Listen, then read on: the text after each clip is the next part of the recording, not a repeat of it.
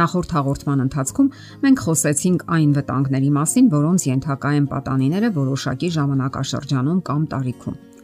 Ծնողներից պահանջվում է մեծապես ուրախadir լինել հատկապես որոշ սովորությունների հանդեպ, որոնցից հատկապես վտանգավոր են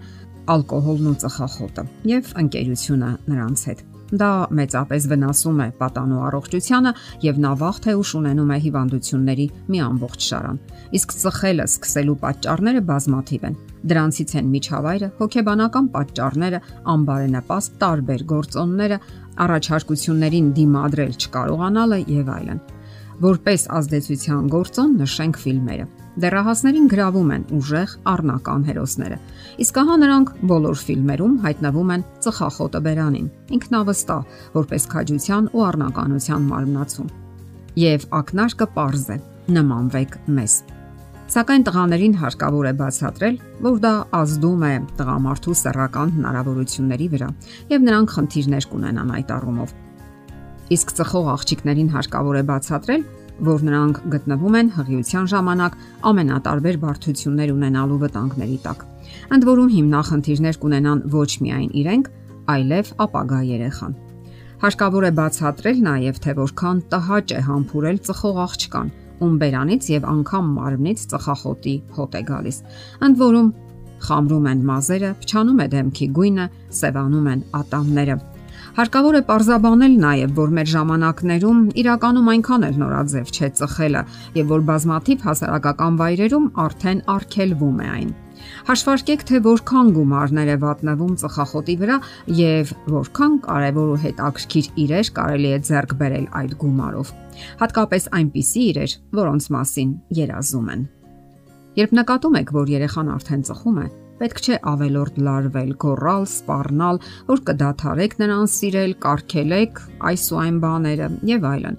Հարկավոր է հանգիստ բացատրել, որ ծխելը ոչ թե հանում է սթրեսը, այլ նոր սթրեսների աղբյուր է հանդիսանում։ Եթե այդ պահին зерքի տակ ծխախոտ չկա, ծխողը իսկապես սթրեսի մեջ է ընկնում։ Հարկավոր է ասել, որ հանգստանալու այլ ուղիներ կան սպորտ, խաղեր, հեծանիվ, գրագիտություն, առողջության զարգացում։ Իսկ եթե երեխան ցանկանում է դրսևորել իրեն, լինել ուժեղ եւ ինքնուրույն, ապա ցույց տվեք ճանապարհներ, որտեղ նա կարող է իսկապես դրսևորել իրեն, ունենալ սեփական տեսակետը, այլ ոչ ուրիշների թելադրած պատկերացումներն ու կանոնները։ Օգնեք նրանց, ասացեք, որ իրենց կողքին եք, պատրաստ եք սատարել կարևոր որոշումներում Իսկ եթե դուք ինքներդ եք ծխում, ապա անկեղծորեն խոստովանեք եւ փորձեք դուք էլ պայքարել։ Ծխելուց հրաժարվելու ձեր օրինակը կարող է ողջևորել նրան։ Եվս մի վտանգավոր սովորություն ալկոհոլն է, որը նույնպես մեծապես քայքայում է առողջությունը։ Պատանիները սկսում են ալկոհոլ օգտագործել 14-ից 16 տարեկանում։ Սկիզբը սկսվում է թույլ խմիչքներից՝ գարեջուր, կոկտեյլ, ապա անցնում են ավելի թունդ խմիչքների սակայն չեն գիտակցում, որ անգամ թույլ խմիչքների մեծ քանակությունը հավասարազոր է ուժեղ խմիչքների թողած ազդեցությանը։ Օրինակի համար ասենք, որ 1 շիշ գարեջուրը, որը 1/3 լիտր է, ալկոհոլի իր պարունակությամբ հավասար է 125 գրամ գինու եւ 40 գրամ օղու։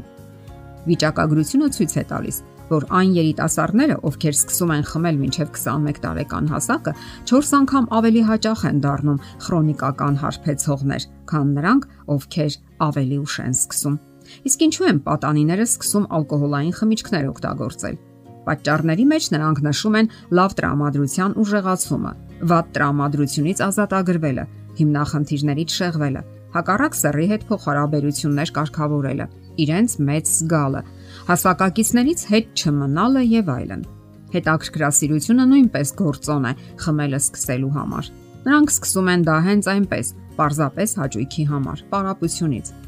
Հավելենք նաև ընտանեկան հանդիսություններն ու տոները, ընկերական հավաքները։ Ոչ հազվադեպ նրանք ցանկանում են ծնողներին ապացուցել, որ արդեն մեծ են, վաղուց երեխա չեն եւ ձգտում են ուշադրություն հրավիրել իրենց վրա։ Այդ դեպքում նրանց անհրաժեշտ է ձեր ուշադրությունը, որpիսի ավելի շատ ժամանակ հատկացնեք իրենց։ Եվ ինչպես վարվել, երբ ձեր երիտասարդը տուն է եկել հարբած վիճակում։ Պետք չէ անմիջապես նրա այդ վիճակում փորձել դիտողություններ անել։ Նա պարզապես ի վիճակի էլ չէ որևէ տրամաբանական միտք ընդունել կամ արտաբերել։ Հարկավոր է ամեն ինչ պարզաբանել հաջորդ օրը, երբ նա սթափ է եւ պատրաստ է նման զրույցի։ Ընդ որում դա պետք է անեն հայրն ու մայրը միասին, որpիսի նրա համար པարզ լինի ընտանեկան համերաշխության ուղերձը։ Պետք չէ գորգորալ, հայհոյել, սպառնալ։ Խոսեք ձեր զգացմունքների մասին, թե ինչ ապրեցիք, երբ նրան տեսակ այդ վիճակում ինչքան հուզվեցիք եւ անհանգստացաք, նաեւ վշտացաք։ Ոչ թե հարցակնության ենթարկեք, այլ հարցրեք, թե ինչ պայմաններում տեղի ունեցավ այդ ամենը։ Խոսեք հանգիստ, սակայն հաստատակամ։ Ներկայացրեք ձեր դիրքորոշումը հստակ ու կոնկրետ։ Այդ դուք գիտեք։ Նա չգիտի, որ տարիներ հետո կարող է սրտամկանի ինֆարկտ կամ ստամոքսի խոց ստանալ։ Նա դեռևս չի պատկերացնում իրեն սպառնացող բոլոր վտանգները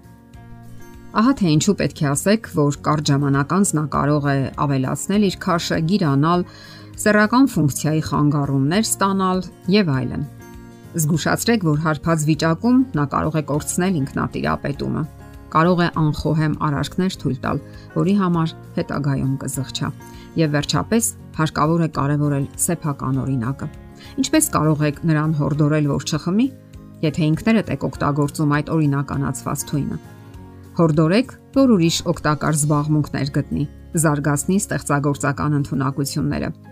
Իսկ միգուցե փոխի այն շրջապատը, որը նպաստում է այդ հակվածությանը։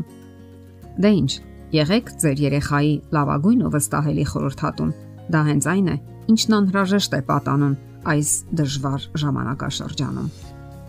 Եթերում ընտանիք հաղորդաշարներ։ Ձեզ հետ է Գեղեցիկ Մարտիրոսյանը։ Հարցերի եւ առաջարկությունների համար զանգահարել 033 87 87 87 հեռախոսահամարով։